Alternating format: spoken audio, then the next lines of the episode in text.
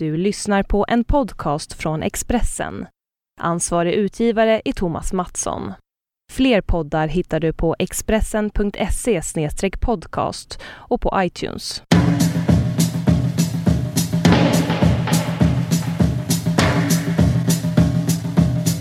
Hej! Hej!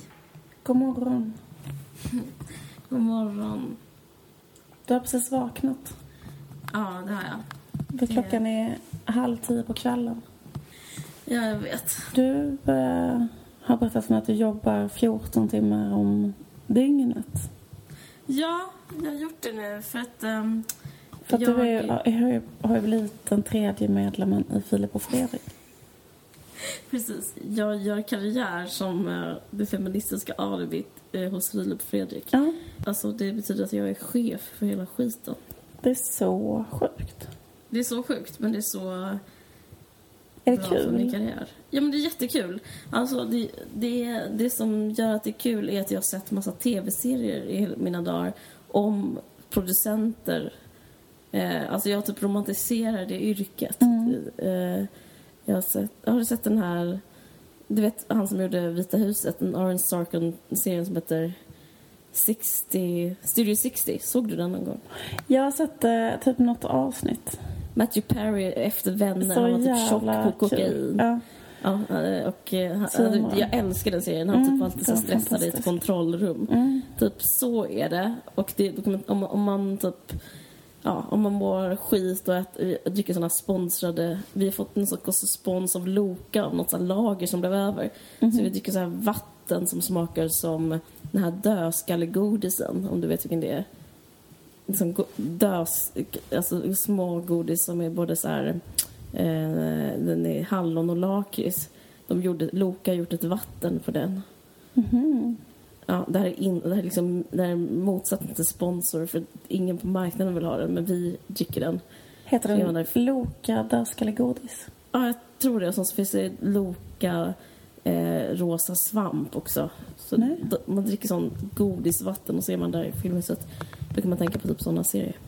Även eh, 30 Rock är också typ att Tina Fey är typ en stressad producent. Och då Just det. typ, är det så här lite, lite coolt att vara eh, helt utarbetad när man tänker på det. Just det. Det är faktiskt Ja. sant. Det finns många... Ja, det är lite så här, för jag tänker, det är så roligt också att folk, som, att folk skriver såna serier för det, det handlar ju typ om tv som tv-människor som skriver om tv-människor för att slut, man jobbar så mycket så man hinner liksom inte träffa någon annan, man träffar bara olika proddassar hela dagarna och eh, sen till slut bara, ja men vi gör en serie om oss. Just det. Så det gör jag. Men det är faktiskt väldigt kul. Ja, Man känner att man lever. Det är kul att känna nerven innan sändning. för det har haft premiär nu, eller? Jag har Ja, inte det har sett det. premiär. Nej, jag Ehm. vet. Eh, eller jag kan tänka mig att du inte har sett det, men eh, Men det är lite för sent. det är inte för sent. Eh, du menar att det är för sent för dig för att, eller det är liksom, det är ute, eller vad, hur tänker du? Eh, Ja, det är det jag menar. Nej, jag menar att det sänds så sent på kvällen. Ja, det sänds klockan tio. Mm. Men det har varit kul. Ebba. Witt-Brattström har blivit fast medlem nu. Hon är fjärde medlemmen i Filip och nu. Jaha. Ja. Vad gör hon? Hon pratar om samtiden varje torsdag. Nu var hon även med i tisdags. Eh, Okej. och eh, hon är ju så på hugget. Ja. Hon Det är väldigt eh, på hugget just nu. Ja, det känns nästan manipulativt att eh, ta in henne för att eh, hon har eh, hon har sån medial kraft. Alltså det, det är som en sån uppdämd kraft.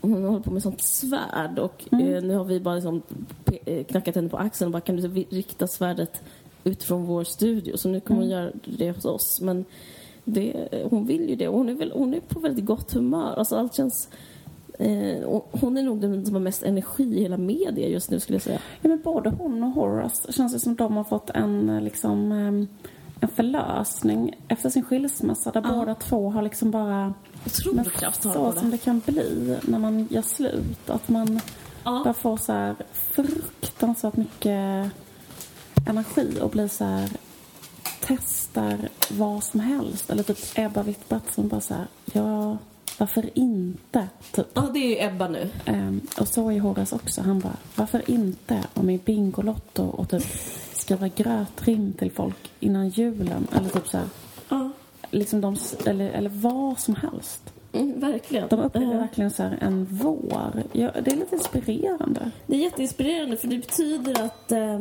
inget är någonsin för sent. Man kan alltid skilja sig och ha time of one's life. Hon uttrycker sig så eh, drastiskt så att man eh, baxnar. För det är en sak som brukar hända nästan när man blir äldre, eh, tycker jag, som hände mig. Att jag liksom mer, och- mer och mer frångår åsikter.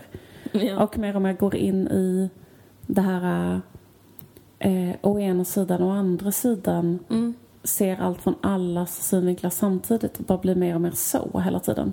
Mm. Och det är svårt att nästan liksom ens i den här podden skaka fram. Ja. någon jävla åsikt om Eller du vet så här, Ja, eh, men eh, jag tycker det liksom är...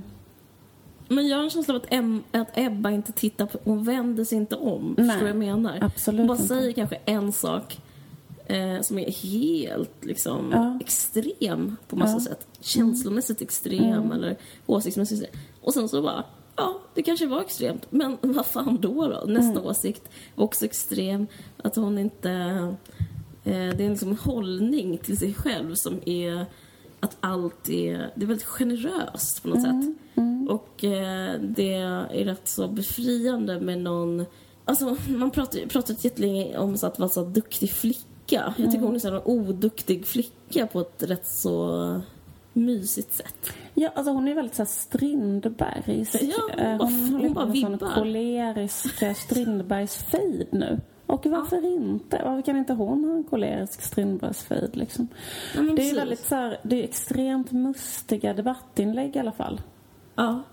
Det är, Det är så här- debattinlägg i alla fall. Tänk dig, tänk dig den här, du får frågan att skriva ett debattinlägg. Mm. Alltså, det, är ju, det är ju en mardröm. Alltså, det, det är kul med någon som, som håller på, så att säga. Mm. Alltså, jag vet inte om vi behöver förklara för våra lyssnare vad det är vi pratar om nu. En kulturfejd som håller på just nu som handlar om Kulturmannen igen. Det, var en, det är en sån nygammal debatt. Ja, men om man ska vara lite konkret så skrev, tog Ebba äran av Stig Larsson efter en ny eh, releasad dokumentär om Stig Larsson. Mm.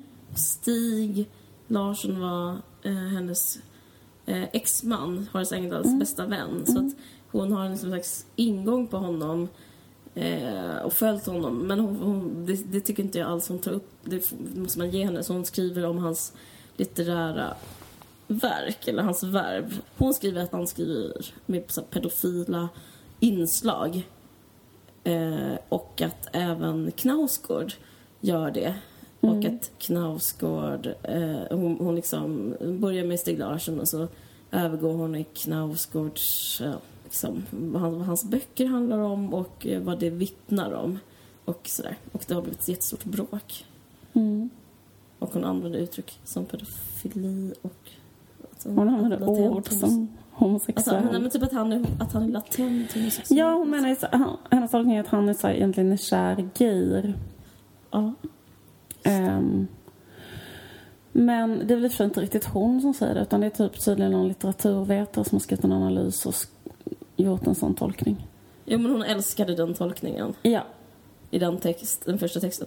Och nu har Knausgård svarat. Men jag måste jag bara säga en sak om hela den grejen. Mm. Det är så sjukt att hålla på med att, att säga att någon är bög som skällsord.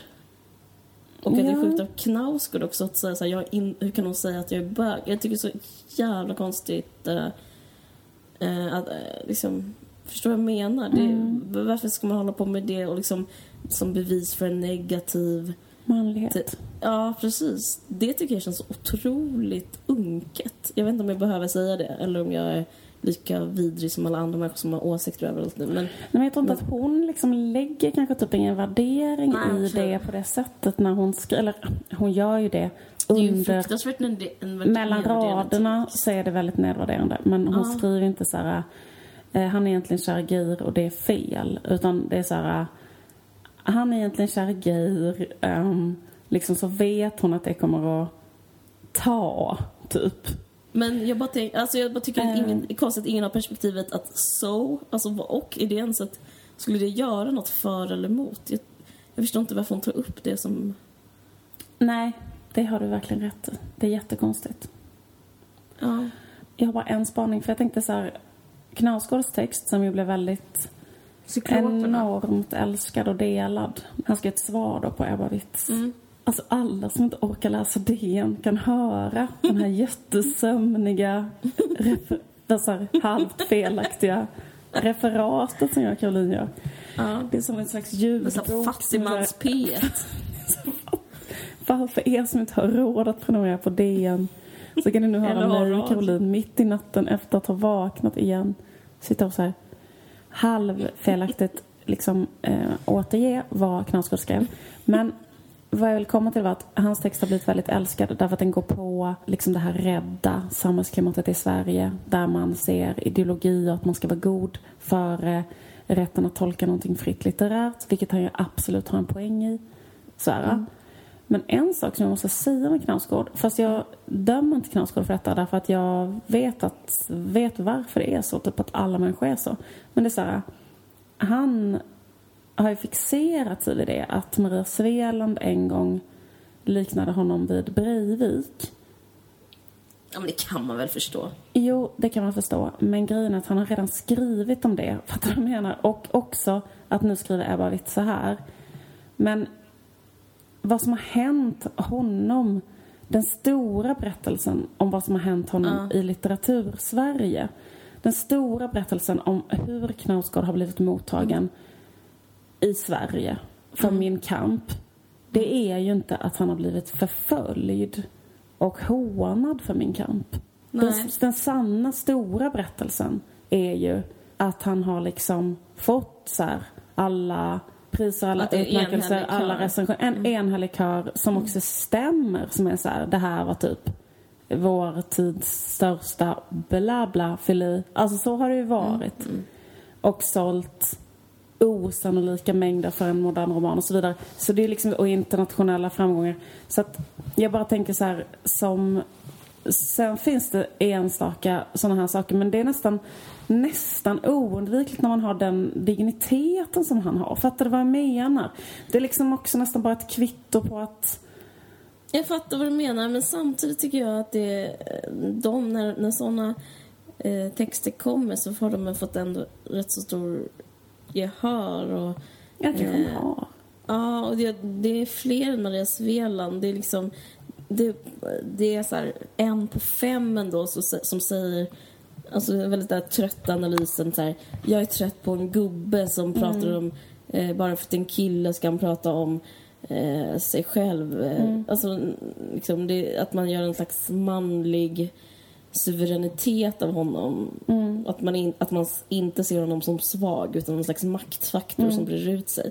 Eh, jag måste säga, jag kanske klipper bort sen, men jag måste säga att jag, det enda, vi fick ju mycket recensioner av vår bok, det är jättekul. Tack för alla som har hört av sig, det är jättemysigt. Men jag har tänkt på Knausgård jättemycket när vi fått vår, vår recension, för alla har biografiska tolkningar, inte alla, men de negativa recensionerna, då har jag tänkt på Knausgård, för de är liksom negativa på samma sätt som vet, de var mot. Knausgård. Ja. Eh, för det är så här, nu läste jag en, en mottext mot den här och Mm. det var så här, han, nu, han sitter där på Österlen och tycker det här. Mm. Typ, eh, jag vet inte om det var Expressen, minns inte alla de Mm. här texterna. Men, men också att han, eh, det går jättebra för honom. Mm. Eh, att, att man recenserar honom på det viset. Man pratar om det biografiska och att man vägrar gå in i texten. Mm. Och att man pratar också om det som han skriver i boken som en slags bevis för att han är inte, att det inte är synd om honom och därför kan inte litteraturen vara bra. Och, och det måste jag säga att det är faktiskt jävligt eh, Även om han är indignerad och de flesta älskar honom så tycker jag den, det, sån nivå, det får ju inte finnas en sån nivå att man, att man recenserar en fiktiv person som att det är en, ett vittne om en verklighet och sen så ska man recensera det som att det är en moraliskt bra eller dåligt. Det tycker jag är liksom för Det är för konstig kast. nivå. Men också en annan sak som är för kast. Det är att inte få... Jag menar skit i om det är biografiskt eller inte. Ja. Det, det är liksom också inte alls relevant utan det handlar också om så här, får man beskriva begär som inte är moraliskt korrekta? Får man beskriva mänsklig svaghet? Får man beskriva en jättepaj 26-årig lärare som blir kär i en 13-åring och ligger med henne? Får man berätta det? Får man berätta en sån berättelse? Får man undersöka det utan att bli så här moraliskt anklagad för att vara pedofil? Alltså det är så otroligt eh, ko- konstfientligt och sinnessjukt. Mm, jag vet. Men det... Jag skäms nästan av att vi ska behöva säga det. Men, jag, Jag vet. Men, det känns, men i och med att det finns den diskussionen så kanske vi behöver säga det. Det är fel. Man måste börja... Man, man, måste, man får sluta lägga moraliska filter på konsten. Alltså det är ju där allt får hända. I verkligheten... Ja, jag, jag, jag kan Men också tänker jag så här, även om det inte är, är i konsten, även om det är i verkligheten. Mm. Jag vet inte om vi ska diskutera, men jag tänkte faktiskt också på det gällande viss kritik som vi har fått från, för vår bok och så mycket har varit positivt. Men till exempel just den här grejen som jag kan tycka är så himla konstigt typ att någon recensent kanske är arg så på dig för att du har skrivit om ett begär du har till exempel som inte är eh, Korrekt. moraliskt korrekt. Så här, Jag kan känna att jag längtar till överklassen eller sånt där. Precis, Eh, här. exakt Jag det har så ett här, eh, rikhetskomplex. jag har ett rikhetskomplex. Och då bara så här, det är det mest provocerande jag har läst i hela mitt liv. Man bara, jag, det kan ju tolkas som positivt. Ja, det var det mest provocerande du har läst i hela ditt liv. Men det är ju också, får man inte berätta om ett sånt mänskligt begär? Alltså, får man inte säga det? Får man inte bära vittnesbörd om det för att det är fel? För att du borde säga, vad, vad då? Jag längtar efter, du borde säga att du längtar efter något annat för att det skulle vara mer korrekt. Men man ska, ja, men då hamnar man i så konstigt fröken Sverigeland. Att man bara, jag vill ha fred på jorden. Mm. Och då, det är liksom, då ska man liksom veta sin plats som en sån... Mm. Eh, det ska vara så här kuttersmycke. Jag vet inte, jag tycker det känns jätte, jättekonstigt. Och ehm, även blir folk arga när jag, när jag skriver att jag har druckit ett vitt vin och sånt där. Jättemånga som Ja. På en viss restaurang. Men jag måste säga att jag tycker det är härligt och då att jag skrev det på grund av att Knausgård skriver så. För det är så härligt att någon bara berättar om hur det är, att man inte låtsas om eh, att, man, att det är mer synd om en eller att Ja. man, eh, att man så här, utifrån vem jag är svarar jag på det här. Jag, men, men det blir konstigt att man ska bli dömd för att, att, att det är klart man tycker om underdogs men, men det blir så väldigt konstigt tycker jag att man ska ljuga om att man är en underdog för att kunna få eh, prata. Jag vet inte, det är väldigt svårt. Jag, jag, jag tycker tvärtom det finns ett problem med att folk inte erkänner sina privilegier men eh, ja, jag tycker det är speciellt faktiskt. Men jag tycker att det är så himla konstigt också. Därför att, jag måste säga nu med båda de här citaten som Ebba Witt-Brattström tar upp i den här texten. Det som Stig Larsson har sagt, det är så här. Han blev tillfrågad en gång i en intervju, så här. Kan du tänka sexuellt om en 13-åring? Och då sa han så här. Ja, om hon har fått bröst, alltså om hon har gått igenom puberteten. Då kan ju inte jag hjälpa att jag ser, man kan, då, då kan det vara så att man ser en kvinnokropp och tänker sexuella tankar om det. Det var ju det enda han sa. Och så här, vad är det annat än att bara berätta, att vara lite mer ärlig än människor brukar vara? Alltså fattar du vad jag menar? Ja. Det är liksom bara att, liksom, han sa ju inte så här, jag tänker ligga med en 13-åring, jag har, li-" eller du vet så här, det var ju inte det.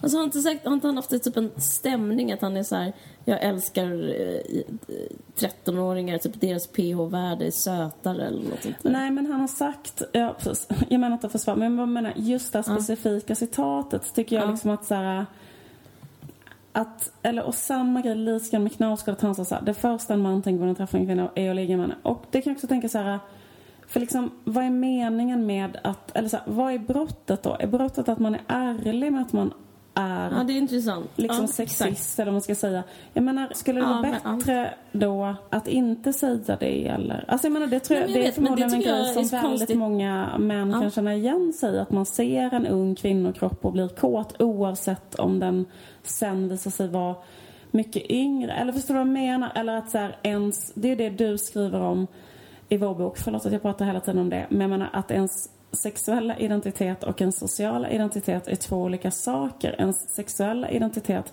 kanske inte är så en moraliskt Korrekt. medveten Nej, korrekt utan det kanske bara är eh, detet som opererar på en annan nivå och eh, får vissa så här, eh, i- impulser. Eller typ att man har daddy issues. Alltså, så ska man då döma de personerna? det är en annan sak på något sätt. Att med intellektet tänka så här, det här är ett barn så därför, alltså whatever liksom. Och det hoppas Ja. ju, eller så här, men det är liksom en annan sak. Men att bara Ja. säga att så här, sexualiteten opererar på en annan nivå utanför moralens gränser, det är väl liksom bara att berätta något om hur människor är. Jag håller med dig. Men sen så är det klart att man också kan få kritisera det.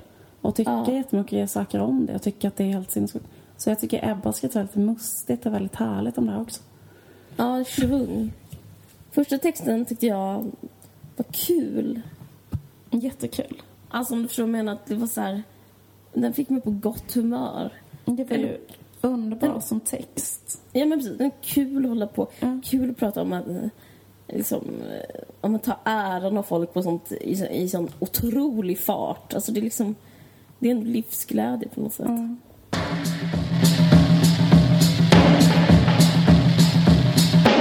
Nej, men en rolig sak som har hänt apropå vår bok, Mm. sista saken om boken.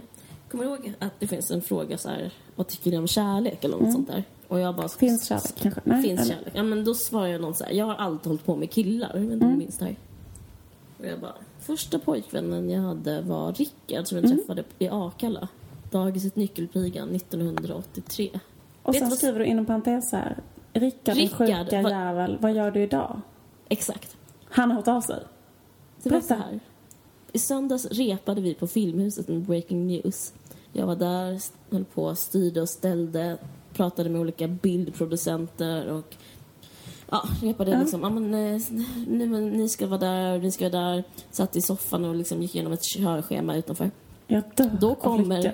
Ja, Då kommer en eh, person ut eh, som en jätte, jätte, jättestor hiphoppare typ.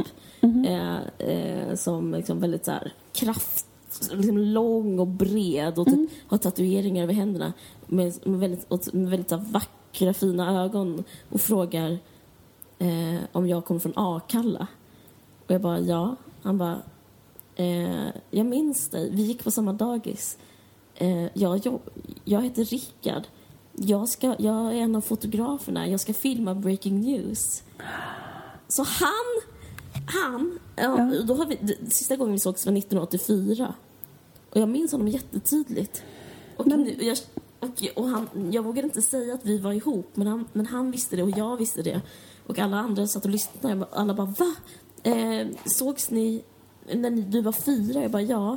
Och, eh, och han bara, jag minns dig. Men har du bytt namn? För du hette Consuelo. Jag bytte ju namn när jag Ja. var fyra.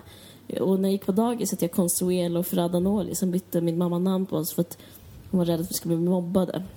Ja. Så jag heter, jag heter egentligen, vad man ska säga, Consuelo Ferradanoli. Och då så han bara, men ditt namn, det, är typ, det har jag aldrig glömt och jag har inte stött på dig sedan dess. Men jag tänkte, det finns väl bara en, så jag tänkte att det var du. Han bara, jag känner igen dig. Alltså, för, för, och jag bara, "Jaha." jag bara, det var sjukt. Jag bara, men gud. Sen så kommer det fram att han, han fyllde år, när han är född 78 och jag är född 80. Så han var lite äldre än mig. Men jag var ju så jävla liten då. Och liksom han fanns. Det är nästan som en sånt en fantasi som... För mig skulle det här kunna vara en fantasi, det här minnet. Men det är så sjukt att det bara materialiserades och nu Men jobbar jag med honom. Gud, vad sjukt. Men vet han om att du har skrivit om honom i boken? Nej, jag hade liksom inte, jag hade inte sinnesnärvaro eller liksom guts att säga det. För att om jag skulle säga det till honom Alltså, jag har väldigt svårt när saker och ting blir sentimentala. Och det liksom, nu var det som änglar sjöng. Jag orkar liksom inte så här. Och vet du vad? Det kommit en bok. Och där, där frågar jag Rickard, vad är du nu? Och eh, alltså, Och så jag bara... kom han fram till dig och Han kom fram till mig och kände Men ska igen ni bli mig. ihop igen? Nej, han har fem barn och ska flytta till Härjedalen. Fan också. Det här hade kunnat, det hade kunnat bli så bra. Du hade kunnat berätta den här historien så här. Och sen kom vi på Men han är att vi alltid har älskat varandra ända sedan Men 1984. typ att vi fortfarande hade vibb. Det var så himla, det var så himla starkt för jag vet inte om jag har pratat om det i podden någon gång men min bror dog ju 1997 när han var Ja. 18. Men så Rickard minns honom på Ah. dagis och han, han slog en spade och hackade liksom, i hans överlapp så att han var tvungen att sys, Rickard. Och då var det så här, haha, just det, jag minns din bror och han kastade, vi, vi, vi var tvungna att åka till akuten och så. Och jag bara, "Ha, min bror är död nu. Och, och för Rickard så var det som att i hans världsbild så levde min bror. Det var, så, det var väldigt, väldigt starkt. Och han berättade som ett vilket minne som helst. Att man, man hör ju på någon när de pratar om min bror, att de vet att, de har, att han dött. Men det här var liksom som man pratade som en le, om en levande människa. Det var liksom också jätte, jättefint. Gud vad fint. Ja, det var jättefint. Det var too much. Jag bara, jag, till slut sa jag bara, jag måste gå och jobba. Jag, tror, jag, jag, jag vet inte om jag klarar av situationen så himla bra, men det var, det var liksom för starkt. Ja. En dag på jobbet. En dag på jobbet, jävlar. Jävlar i det.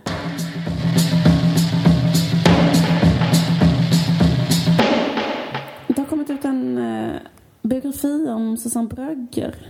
Ja, vad kul! Har du läst den? Nej, men jag har läst en recension. Hon som har skrivit den heter Louise Seuten och den heter Kruka. Det är en biografi om Susanne Brögger. Det är Eh, så kul, för nu är det som att den här podden, vi pratar bara exakt om vad vi vill prata om. Alltså det finns inget mysigare i vår gemensamma världsbild än att det kommit ut en biografi med Susanne Brygger. Alltså jag kan inte... Kör. Det är helt fantastiskt. Eh, Susanne Brögger är en sån person som både du och jag har haft ett väldigt starkt förhållande till och eh, älskar hennes texter.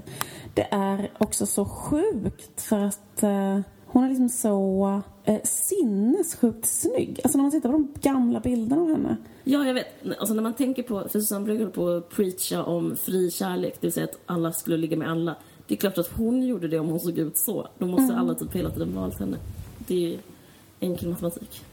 Men det som jag tänkte på, jag bara tänkte så- en, en spaning angående feminism och hon var ju en pionjärfeminist som på 70-talet skrev eh, väldigt så här, banbrytande böcker som handlade om fri kärlek, om kritiserade kärnfamiljen eh, och eh, så vidare och skrev böcker om det. Och sen efter det har hon skrivit en massa jättebra romaner som handlar om hennes egen familjerelation och så. Hon kanske är mest känd för den här Jadekatten egentligen. Men du och jag har mest älskat de tidiga böckerna kanske. Frälsa oss från kärleken, Crème fraîche och så vidare. Jag tycker ändå det, måste bara säga eh, att det handlar också jättemycket om att se sig själv som en autonom ett, subjekt i världen. Alltså det handlar Ja. om sex, men det handlar ju om att bara förstå att, jag, att man får välja själv som kvinna. Det, för mig var det otroligt starkt att läsa. Hon är så, hon har sån enorm hybris. Det är liksom som att hon är så här som Ja. en gudinna som bara liksom... Ja. Men hon skriver om det också, liksom att hon byggde en myt om sig själv. Eller att hon liksom... Hon säger att hon konstruerade sig själv som frihetsgudinnan. Också att hon gjorde det redan innan hon blev känd. Alltså innan hon var en författare så var hon också så och liksom var en central figur för massa tjejer på sitt internat och sådär. Och liksom inspirerade dem. Alltså du vet att hon liksom bara alltid har varit någon slags ikon typ. Intressant. Det kan jag känna igen mig i. Jag skulle säga det, påminner om dig. Det påminner lite Så om... har du var sen jag, när, gud det här är så sentimentala podden. Vi brukar faktiskt inte vara så, jag känner mig som Alex och Sigge. Men i alla fall, när jag lärde känna dig, nu, då var du så, då var du som en slags, ehm, eh, typ du betedde dig mer känt än du gör nu skulle jag säga. Ja. För nu har du ändå tonat ner, för det är god ton att göra det, det är god smak. Att du kan inte hålla på typ och malla dig. Nej. Och det gör du verkligen inte. Men, men du gjorde det typ då som att du var en självklar ikon på Ja. ett sätt. Och det var väl därför vi blev kompisar, för att jag ville också hänga med dig då. Men jag betedde mig som att jag hade Så gett ut tio böcker. gett ut tio böcker och visste allt och kunde allt och var bäst och så. Men eh, Ja, men du kanske har något. Det kanske är tips för folk som... Eh, för sig tror jag det är ett personlighetsdrag. Det blir kanske konstigt om man drar. Men, men jag, när, du, när du berättade det så tänkte jag direkt på dig, hur du var när du Ja. var ung. Men eh, det finns en sak med Susanne Brögger som jag tycker är så intressant och som jag känner att jag själv också har varit, ehm, eller som jag själv liksom fått erfara ganska mycket som är att när man, att vara en feminist i offentligheten så här. För då, Mm. ehm, inga andra jämförelser. Jag vill inte låta som att jag har hybris liksom. Men ehm, just den här grejen att så här, jag kommer ihåg redan när jag hade liksom gett ut, kanske bara publicerat en teckning och skulle Mm. typ bli intervjuad av någon. Mm. Då typ så, här, så var den första frågan så bara, ja men det här med att du är en förebild för unga tjejer. Att det liksom kom direkt ja. så här, man bara, jag har inte ens hunnit, jag har inte ens hunnit. Bläcket har precis torkat. Ja, bläcket har inte torkat. Och det är redan är det så här, du ska ju vara den här människan som ska vara en förebild, som ska inspirera, som ska leva som du lär, som ska, som ska, som ska gå före, som ska bara med ditt kött och blod inkarnera och visa och, och, och, och liksom inte ha några fel. Det är också det som ingår i att vara liksom en förebild. Det är också så mm. intressant för att jag sa direkt första gången jag blev tillfrågad om det. Jag bara, nej men jag har ingen ambition att vara en förebild för någon liksom. För jag tycker att det är någonting som är så otroligt um, sexistiskt med det där. Att det är så här... Mm, det är att fånga in någon. Ja, bara, bara för att du är en kvinna så måste du vara liksom en duktig flicka, en mm. mamma, en stora syster, någon som gör rätt Mm. Inte någon som gör fel, inte någon som är svag, inte någon som tvivlar, mm. inte någon som är misslyckad. Mm. Inte någon det är en ofri position. Inte någon som är ond. Exakt. Inte någon som är elak eller du vet sådär. Utan någon som är, är god då. Och en förebild för yngre kvinnor. Framförallt hela tiden yngre kvinnor också. Att det är så här, mm. Inte en förebild för män till exempel. Eller förstår du vad jag menar? Det vill kunna vara en förebild för vem, eller i så fall. Ja. Oh, jag tänker bara till exempelvis Filip och Fredrik så tror inte jag att de har liksom fått frågan så bara Ni är ju en förebild för många unga män. Eller typ hur tänker mm. ni när ni är förebilder för många unga män? Vad ni säger och gör eller så. Men det är liksom hela tiden en, en faktor. Det är en fråga för kvinnor. Det är en fråga för kvinnor, exakt. Mm. Och um, det som jag tycker är så himla liksom deprimerande med den här grejen det är liksom att även feminister ofta mm håller på med den där grejen. Och, mm. och har hållit på med det jättemycket just gentemot Susanne Brögger faktiskt. Hon har ju varit som en sån eh, Typ hela Bitterfittan, boken Bitterfittan om Marie Svealand, den bygger nästan på det. Att så här, berättarjaget i Bitterfittan mm. eh, är liksom besviken på Susanne Brögger. För att Susanne Brögger har skrivit en bok för 30 år sedan om att hon tycker det är fel med kärnfamiljer. Och sen lever hon själv i en kärnfamilj. Och då mm. är berättarjaget i Bitterfittan så himla ledsen och besviken över det. Liksom. För att mm, hon, hon vill... sina ideal. Ja, exakt. Hon vill, eller hon behöver, att Susanne Brögger inte ska leva i en kärnfamilj till exempel. För att Susanne Brögger en gång har sagt någonting negativt om kärnfamiljen. Och sen därefter borde ha frusit fast, eller vad man ska säga, hållit fast vid en tanke hon tänkte när hon var 23. Mm, som en självuppoffrande Moder Teresa typ. I 40 år framöver och leva ja. på ett sätt, eller, eller jag vet inte vad. Eller liksom att den otroligt så som också så att det kan inte vara så att Susanne Brögger kände så en halvtimme. Och nästa halvtimme kände något annat. Och sen när hon blir äldre kanske känner på ytterligare något sätt. Jag vet inte vad. Eller men också tycker jag det är så himla konstigt den här grejen att liksom att kräva att Susanne Brögger ska agera på ett sätt som på något sätt ska legitimera ens egna livsval. Att det är så himla auktoritetsbundet på ett sätt som jag får panik av. Alltså hela den här grejen med så att det ska finnas, någonting måste ge mina livsval legitimitet. Mm. Och det ska vara en annan person. Man vill göra en feministisk ikon och sen vill man överlämna till den, eh, Susanne i det här fallet, att mm. bedöma vad som är rätt och fel. Och sen ska hon inkarnera det och leva det. Det är nästan att från, alltså det är som att säga emot hela Susanne Bröggers budskap som är så här. Du är en gudinna, ha hybris kring dig själv. Du kan väl för fan själv avgöra vad som är rätt, vad som är fel. Du, du, kanske tycker att någonting Susanne Brögger gör är bra, sen kanske du tycker att någonting hon gör är dåligt. Så det betyder inte att liksom hon ska avfärdas som författare eller människa. Du vet. Men så... Precis. Men det är ju liksom att så här, kidnappa Susanne Brögger, liksom fånga in henne. Jag tänkte typ att man slänger ett nät över ja. Susanne Brögger som ska liksom vara där mm. liksom, eh, och, få, och hon får liksom inte röra sig. Nej. Eh, men jag tycker en sak är rolig, lite loll i allt det här. Mm. Det är typ att eh, Maria Sveland är så kränkt att det blir en hel bok. Det är ändå kul. ja, Alltså för en bitterfitten att hon ändå så kan inte komma över det här med Susanne Brögger och så skriver hon den. Um, men roligt typ att uh, Maria Sveland är röd tråd för att det är också hon som tog hedan av Knausgård. Uh, jag tror att hon uh, är beroende av att uh, av en slags ordning i universum. Förstår jag menar? Alltså det är liksom att så här, Susanne Brögger är städad undan till en person som är emot kärnfamiljen. Män som skriver är gubbar. Det, det är liksom väldigt så här icke-rörligt intellekt. Förlåt, men förstår vad jag menar? Knausgård kan inte få vara en bra författare och en man. Susanne Brögger kan inte få tycka en sak och sen tycka en annan sak. Det, jag kan säga för till Maria Spelans försvar att det är ju berättarjaget i Bitterfittan som tycker om Susanne Brögger. Så att vi behöver mm. inte heller göra samma fel där vi blandar ihop eh, författaren med berättarjaget. Men berättarjaget, och det kanske inkarnerar någon typ av så här eller så här, det, det, det berättar någonting om hur en feministisk rörelse har sett på Susanne Brögger ju. Att väldigt ja, många feminister har liksom... Samtidigt har jag förståelse för, för Maria Sveland. För det är liksom... För jag tänker att den feministiska rörelsen är vad ska man säga, så ny och ensam på, ja. på ett sätt. Den är hela tiden under attack, ja.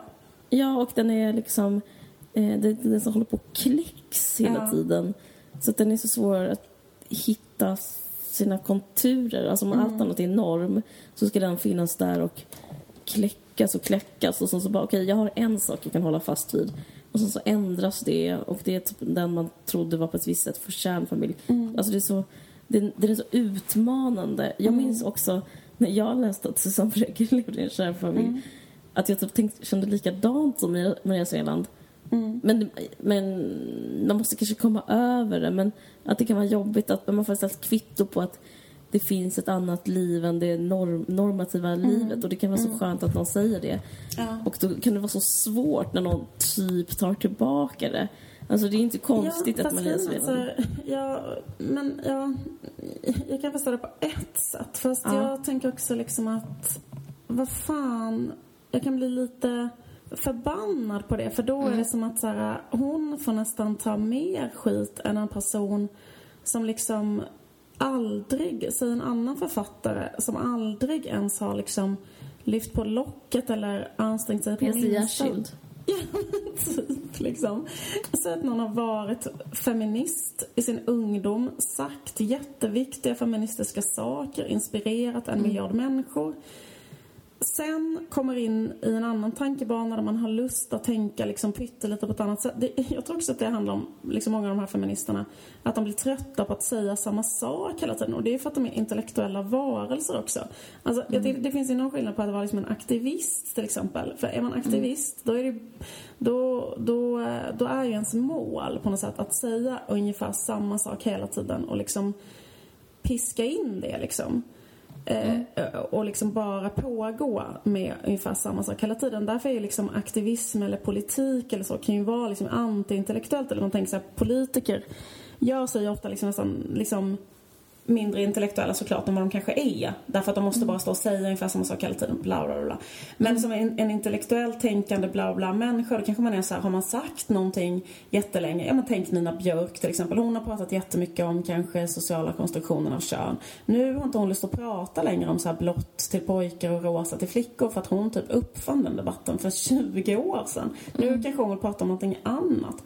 Och då grips folk av raseri mot henne för att hon säger så här, mm. feminismen är inte en jätteviktig fråga kanske hon säger, eller något sånt där. Mm. Men jag menar, jag, jag tycker att det är konstigt att man är så enormt liksom hård och fördömande mot dels feminister som har kanske ändrat sig lite grann eller sådär. Mm. Eller tänker på något annat sätt. Och dels mot feminister som då ja men jag vet inte, äldre generationers feminister eller feminister som inte varit 100% korrekta eller så. Varför de får möta så mycket hårdare aggression än någon som inte har gjort ett skit i hela sitt liv. Förstår du vad jag menar? För att ja. förbättra villkoren för kvinnor eller något sånt där. Då blir liksom jag förstår de... vad du menar men jag, samtidigt så är det så extremt... Jag förstår dem också. Det är så mänskligt. Det är så det går till. Att man... man eh det är den horisonten och det är den referensramen. Jag, alltså jag tycker inte det är rätt på något sätt, men jag kan verkligen säga ja men det är ens universum och det är... Ja, men då tycker jag är att man så får skärpa sig. För jag tycker att det är Ja, man- dåligt systerskap. Ja, jag kan hålla med dig. Men, men det är så vanligt. Det, Mm. det känns bara som att det är så jävla mänskligt att man är så här... Typ, det, det är så typiskt kanske att jag skulle klaga på en person som nästan exakt är som jag själv. Alltså det, Mm. det är någonting med det. Att man är, det är så långt bort att kanske klaga på någon annan människa i någon annan generation, i någon annan stad som har ett annat yrke, med ett annat kön. Och Ja. ett, jag vet inte, det, det, det är som att folk inte kan tänka för långt. Det är en slags närhetsprincip. Eh, Men jag kan också förstå att det är också smärtsamt med förändring. Alltså, det är, jag tror det är det folk hatar mest. Mm. När någonting inte är som det alltid har varit. Det, det är liksom, det är sån ångesttillstånd. Det är därför man ska säga, det är därför det finns ett sånt här buddhistiskt mantra, eller ett sånt ord som man ska säga som är så anicca. Ehm, Det betyder allt förändras. Det säger man hela tiden, bara för att det är så här Det, det är väldigt eh, bra. Det, anicca, anicca. Det blir liksom som ett, som ett fängelse mm, för de här människorna. Alltså det är liksom en oundviklig dramaturgi att mm, genom att tycka någonting väldigt starkt eller ta en viss position så upplever säkert Maria Sveland sin situation också. Hon är också en sån person som är en feministisk ikon för jättemånga människor har tagit jättestarka positioner. mm. Men att det blir svårt så här för henne därför att hon har sa- sagt vissa saker kanske väldigt tydligt. Alltså att det blir svårt för henne att tänka, tänka fritt sådär. För att då blir det som ett helt bygge som rasar eller förstår du vad jag menar? Jag vet. Och så- Fan, jag tycker hon är ett dåligt exempel för att hon, hon är nästan schematisk i, sitt, eh, i sin feminism. Jag tycker, ja. Ja, men okej, men säg Susanne Brögger då. Typ att Ja. så här, att det är liksom ett, det är ett måste för, för Susanne Brögger eller för Nina Björk eller för någon sån Mm. person som är en intellektuellt tänkande Mm. feminist. Då måste de ju, det ingår väl att vara en, fem, en, en intellektuellt tänkande människa. Det är liksom att man hela tiden så här, liksom omprövar, tänker på ett annat sätt, ändrar, alltså du vet sådär, och bara håller på. Mm. Och då kan man ju inte ägna sig åt att försvara tankar som man själv har haft eh, liksom he, alltså som livsprojekt. Utan snarare istället kanske ifrågasätta. Alltså jag, jag förstår dem, att det finns väl inget mer stimulerande och utvecklande än att så här, ifrågasätta tankar man själv har haft och försöka tänka på ett, helt plötsligt tänka på ett annat sätt. Så jävla härligt för dem att få göra det liksom. Verkligen. Men i det, så liksom, eller vad ska man säga, det är en omöjlighet att tänka sig Susanne Brögger fortsätta sitt författarskap på samma sätt att hon skulle skriva så här. Istället för att skriva andra böcker skulle hon bara skriva Frälsningen från kärleken 20 gånger liksom. Alltså, Nej, det är som något Sisyfosarbete. Det är ett straff, skulle det vara. ja, för det är ett straff, precis. Ja. Så därför så ingår det också i hela hennes Eh, alltså det är liksom hon är så förprogrammerad till att göra människor besvikna. Därför att det är så här, Ja, men det är en del av sexismen, skulle jag säga. För att, f- ja, men för att kunna liksom utvecklas konstnärligt så måste hon göra människor besvikna. Och det kanske inte gör någonting. Liksom. Alltså så, det är också det att det kan jag tycka, eller så här, det är också bara Anitcha typ. Ja. Bruno K. Öijer har sagt så himla fint om det. Han har sagt så här, om att han är så populär och älskad och så. Och så har han sagt typ så här, det är problemet med att ha en fårskock är att den väldigt lätt kan bli en vargskock eller något sånt där. Ja. Och så är det ju verkligen. För typ så här, en sån tyst skara beundrare som inte längre får det de vill ha av sin idol kan ju lätt bara balla ur fullständigt. Så fort Ja. den personen inte ger dem det som de liksom vill ha. Kolla alla liksom band som försöker göra liksom ikoniska rockband som försöker göra en, en, en du det, unplugged platta eller så. Så är det ju hela Nej, tiden. men absolut. Men det är alltså Men- intressant för på det sättet tycker jag man kan tänka som skapande människa själv. Mm. Att det är, finns en befrielse i att göra människor besvikna. Alltså typ när precis. människor blir besvikna på en så kan man tänka så här att det... Så känner jag jättemycket. Jag känner mig trotsig. Mm. Jag tycker jag är det också i vår bok. Nu pratar jag om mig själv och vår Mm. boken. Men jag tycker det finns en slags... eh, ett egenvärde i att eh, inte vara duktig. Inte liksom låta mig bli infångad. För man vet ju hur, lätt, hur lätt det är att göra rätt också. Ja. Alltså, du måste ju veta det jättemycket. Mm. Det är liksom att så här, ja, men säga massa uppbyggliga feministiska grejer. Alltså att, folk, att göra exakt vad folk vill att man ska göra, Mm. vill ha av en. Det är ingen förstår att det är värre att göra så än att liksom vara... Det ett högre risktagande att vara dålig och vara flexibel eller att vara liksom annorlunda. Jag bara tänker att jag, fa- jag fattar ju att om jag säger att jag är på en dyr restaurang att folk blir sura. Men för mig finns det, är det kul. Mm. Jag vet hur man säger, alltså det hand- är, är inte... Men jag tycker, eller förlåt, men jag, säger? nej, men jag tycker det är konstigt att bli sur när man läser att någon är på en dyr restaurang. Ja, fast du vet ju ändå hur stämningen är. Man ska ju säga att man är... Man ska ju hela tiden framställa sig själv som duktig för att få beröm. Ja. Men jag upplever att det är sexism. Alltså jag upplever att det är att man ska hålla sig på mattan. Ja. ja, men jag upplever, alltså just den här grejen, jag upplever att det är liksom gånger, eh, det är bara som en uppförstorad version av den här duktig flicka-grejen. Att så här, de vill typ sätta en mellan två bråkiga killar för att de bråkiga killarna ska vara tystare eller typ så. Jag tycker nästan det är, jag tycker det är inspirerande att prata om det. För jag, jag tycker det är liksom härligt. Jag tycker nästan man har en skyldighet om man vill hålla på med någon slags skapande på något sätt. Att, att inte att inte ge folk vad de vill ha. Förstår du vad jag menar? Absolut. Då är man, det är då man... Då är man ju död. Då är som David Hellenius. Och jag vet inte.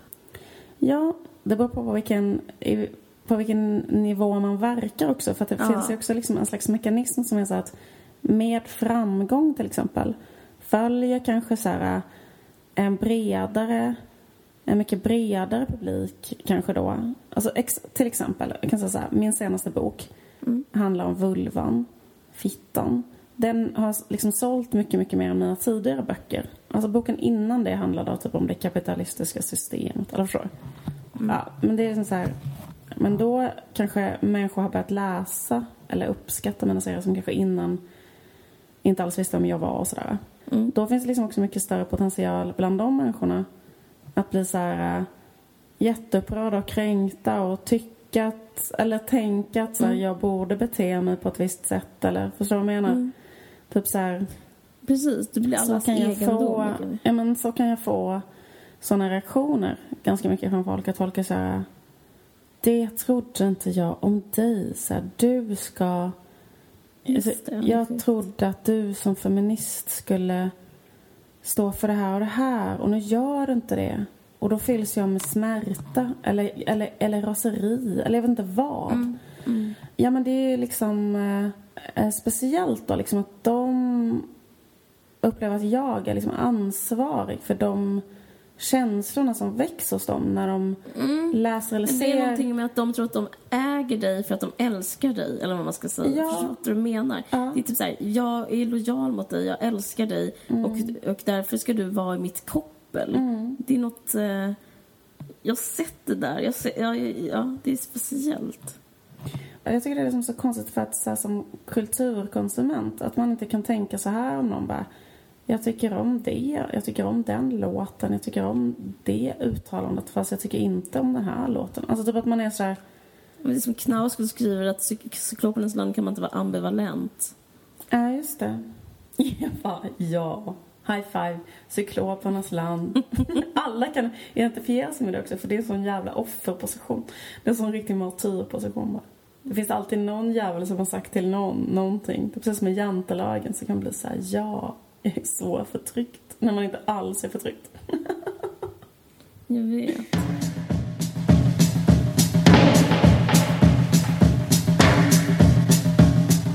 Jag ehm, fick inspiration när jag lyssnade på ehm, en eh, gammal låt av Bob Dylan eh, som heter It Ain't Me Babe. Jag tycker den är så jävla bra. Den beskriver tycker jag ganska mycket så här man kan känna sig när man känner att någon så projicerar saker på en som man inte vill eller kan leverera eller har lust att leverera. Det är bara så här ehm, I'm not what you're looking for. Just det. Du- In me baby. It me baby. It me looking for. Ja, det är jättebra. Jag Det är bara ska- liksom, fortsätt gå. Den är så här. Go away from my window, leave at your own chosen speed. I'm not the one you want, babe. I'm not the one you need. You say you're looking for someone who's never weak but always strong to protect you and defend you whether you are right or wrong. Someone to open each and every door, but it ain't me, babe. No, no, no. It ain't me, babe. It ain't me you're looking for, babe. Ja.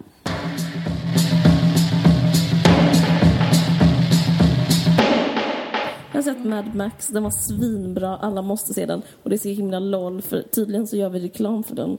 Men eh, det den kostar 300 spänn att se på 3D. Och jag fick inte en, en sekund gratis. Men det var faktiskt värt att betala. Eh, det är typ den enda film som jag har sett i hela- mitt liv som klarar Bechdel-testet. Eh, Va? Ja. För grejen att, ja, men när, du- när du säger vi gör reklam för den så, så är det ju så att eh, Acast gör reklam i pauserna i den här podden. Och eh, då så fick, ja, men folk har ju kommit fram till oss och hånat oss och sagt så här, hö, hö, Alltså vet, ni vad ni, vet ni vad ni gör reklam för? Mad Max-filmerna. Eh, gapskratt, typ, fan vad töntigt, typ. Men nu så är stämningen så här, är det ju inte bara du som säger det här utan alla säger så här, det här är ett av det bästa som någonsin har gjorts. Ja. Ja. Om jag hade fått pengar, jag får inte en spänn för att någon säger att man ser Mad Max. Nej. Men jag hade verkligen kunnat gå i god. Vi hade verkligen kunnat samarbeta för att jag älskar den här filmen. Den är svinbra. Älskar också de, vad heter det, eh, radiostyrda åkgräsklipparna som de också gör reklam för i vår podd. Vem vet, nästa vecka kanske jag råkar ha köpt en sån och bara råkar prata om att är En, helt... robot, en robotgräsklippare. Ja, nej, men det måste jag säga att den här, den här är, så, är verkligen, verkligen bra. Och jag måste säga en annan sak. Jag är emot Bechdel-testet för jag är emot att eh, hålla på med regler vad det gäller konst. Men, men det är ändå liksom som kuriosa så är det kul att eh, Mad Max var den filmen som skulle sätta det här. Alltså. Eh, och den, eh, den handlar om att eh, Charlize Theron är typ ascool och slåss hela tiden. Och de gör massor med coola biljakter i en underbar, ett underbart landskap och slåss mot onda människor. Och, Det låter helt fruktansvärt. nej, du kommer älska den, du måste se den. Det låter som, det värsta, det låter som min värsta mardröm. Nej, och sen så, nej, hon åker i en långtradare med assnygga tjejer som ska, och sen ska de träffa massa, eh, de ska flytta till en stad som heter Mödrarnas mödrar eller något sånt där. Det, det, det är jätteflummigt. Det jag, för, jag som inte tar droger, för mig var det helt underbart att uppleva det här. Sitta i 3D och prata om mödrarnas moder och sånt där. Det var skithärligt. eh, och, eh, men, men en sak som är väldigt kul, alltså bara för att vara Jag vet att vi har en stark tradition just i den här avsnittet att vara riktigt gnällig. Vi har haft gnäll, gnällmaraton idag. Men, Och också antifeministiska. Ja, precis. Ta Stig Larssons Och vi liksom på ett brandtal för Stig Larssons rätt att säga att han är kåt på en 13-åring. Precis. Eh, det där, därför känns det ändå lite okej att eh, prata om något annat. Och det är att eh, det är som en LOL, alltså världen, ibland kan jag tänka om mänskligheten att den är, den är för jävla gullig. Eh, och eh, nu, det, det finns liksom massa aktiva antifeminister. Eh, det har liksom blivit ett jättestort uppror, upprop att ehm, om man är en äkta antifeminist så måste man bojkotta den här fem, eh, feministfilmen. Och det har stått, Nej. jo, jo, jo, det, är, det har stått eh, CNN skriver om det här, New York Times skriver om det här. Det liksom är alltså, tusentals, en artikel som skrevs på en blogg som har fått flera tusentals delningar som handlar om, för den heter Mad Max alltså och så här, Fury Road, jag minns inte. Och då så skriver han så här, Mad Max Feminist Road. Och typ så här, om du hatar kvinnor på riktigt, om, om du inte bara är en sån som säger att du hatar kvinnor, så måste du bojkotta den här filmen. Men vad bra att du rekommenderar den då. Alltså det är ju inte ens vi men det finns ju en sån... Att Förlåt att jag, att, att jag är så flummig när jag gör det, men eh, bloggen heter Return of the Kings. Och sen så har den fått spridning på liksom överallt. Så det, det, det kanske är det jag ska säga. Men... Eh, fast jag tror faktiskt inte du skulle gilla den. Jag kan verkligen inte se dig gå och se den filmen. Jag...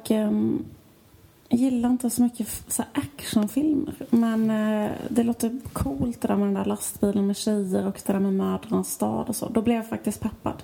Mm. Men jag tycker det är väldigt, väldigt tråkigt med så här, eh, jag zonar ut väldigt mycket när det är så här action. Och så är jag inte så jätteintresserad av så starka kvinnor som slåss. Jag zonar också ut. Men det är inte bara det. Det är, det är, det är mycket... Alltså det är, jag skulle inte rekommendera en sån. Det är en Nej, stark det kvinna som slåss. Det vet. Eh, den, den är mycket mer än så. Ja, men den, den är säkert jättebra. Jag tänker se den. Mm, vad kul. Kan ha uppföljning nästa... Och jag, jag tänker också köpa en robotgastklipp. Skojar bara. Det kommer en ny film annars också om artificial intelligence där eh, Scarlett Johansson spelar en robot. Och Det handlar om en nörd som får bygga en tjej och eh, av en slump så är det då en robot som inte bråkar alls med, Charl- med Scarlett Johanssons röst. Det måste ju vara att... Alltså det är en sån sexdröm, är det inte? Jo, absolut. Typ att man kan styra en kvinna och så ska hon låta som eh, Scarlett Johansson. Det tycker jag är sunkigt. Sunkig film. Vad såg du den här filmen? Ser roboten ut som...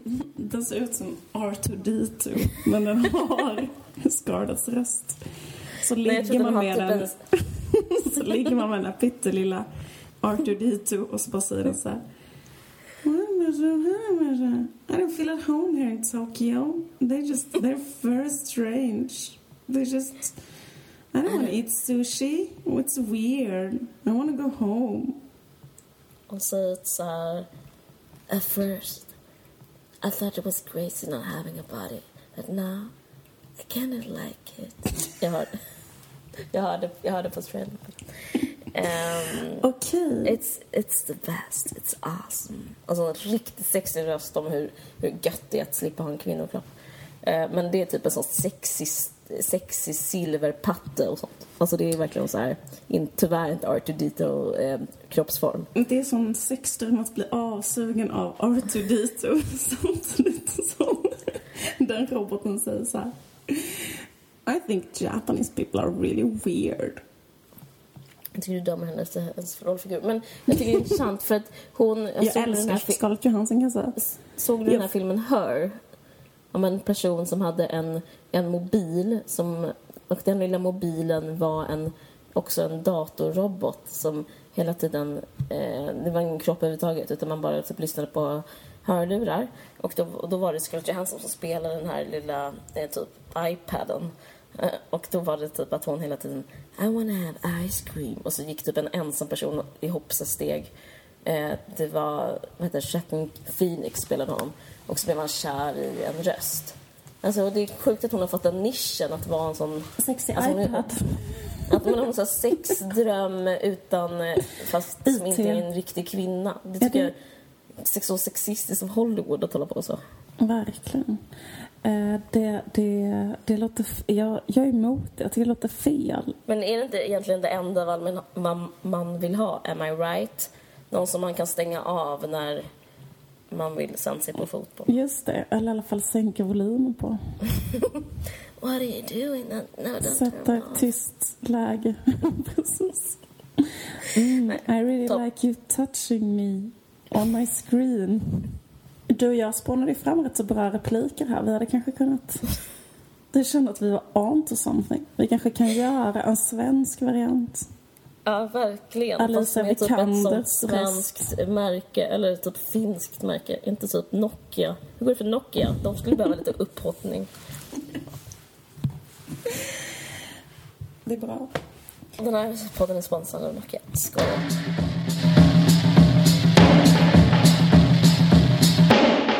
Jag vill liksom säga att eh, den här podden spelades in mm, på natten och vi är helt mosiga i huvudet. Vi har suttit och gaggat och det kanske inte är så, var så jättestringent. Ber om ursäkt för det.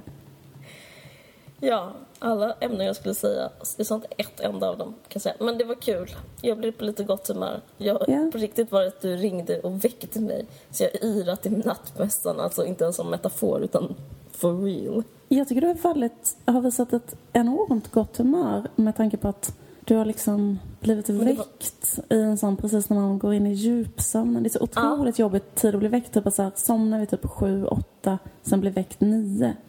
Ja, det är vidrigt. Då blir man mycket hellre väckt liksom tolv. Eller något sånt. På natten tänker jag. Än när man Ja. precis har somnat in på sånt gött sätt. Men ska vi avsluta på något Ja. sätt? Förlåt för att vi eh, gnällde över folk som har skrivit negativa recensioner om oss. För att eh, vi har fått så jävla mycket positiva recensioner och det är så jävla sinnessjukt att få whina och bitcha om det. Förlåt nummer två för att jag sa negativa saker om Maria Sved om det var vitt Brattström. Förlåt nummer tre för att jag försvarade Stig Larssons uttalanden om 13-åringen. Förlåt fyra för att vi överhuvudtaget håller på att försvara Knausgård och hans ändå rätt konstiga... Jag tycker faktiskt, jag tycker faktiskt att jag måste få säga att en jättekonstig grej som jag hade strukit om jag hade varit hans liksom, redaktör, Redaktör. det var det där med SD. SD. Ja. Ja. Men det behöver vi inte säga, det är Nej, så självklart. det fattar alla. Fast den har också fått en miljard delningar. Alla bara, åh den har fått en miljard delningar för att den är så bra skriven. Eller är det för att han säger så här, man får inte kalla SD nyfascistiskt för det är bara ett helt vanligt legitimt parti. Ja, det var, det, det var olyckligt. Det var lite olyckligt. Ja, men det var tråkigt att det skulle bli så att vi äh, bashade Maria Svealand och höjde Stig Larsson. Ja. Men nu blev det så. Nu blev det så. ursäkt. Och Sara, fuck you. Vis inte några jävla förebilder. Vi säger väl vad vi vill. Deal with it, okej? Vi vill inte vara några duktiga flickor. Nu säger vi att Stig Larsson har rätt. Take that. Skojar bara. Sjuk slutsats också. Okej. Slutsatsen är bara så här, jag ska få göra precis vad jag vill utan att någon ska bli sur. Vilket Jag ska är göra allt. Ja. Eh, Ja, okej. Nej, eh, alla får Den här, eh, Mm. Men den här podden görs i samarbete med Expressen Kultur. Och eh, du heter Liv Strömqvist och eh, vi kanske ska tillägga att du sitter där i Malmö och Mm. jag är här i Stockholm som ljudet är piss. Förlåt för det också. Mm. Tack för att ni lyssnar. Verkligen Tack för att ni tack lyssnar. För att ni Ja, lyssnar. jättekul. Ja. Och tack för att ni... eh, Det var så himla kul eh, på vår releasefest att träffa folk som lyssnar på vår podd. Det var så jävla mysigt att krama folk. Alltså det var så jävla god stämning. Mm. Jag, jag är fans till våra fans. Ja, det var underbart. Men eh, tack för att ni lyssnar på riktigt. Japp, så gott. Hej då. Trevlig helg. Du har lyssnat på en podcast från Expressen. Ansvarig utgivare är Thomas Mattsson. Fler poddar hittar du på expressen.se podcast och på iTunes.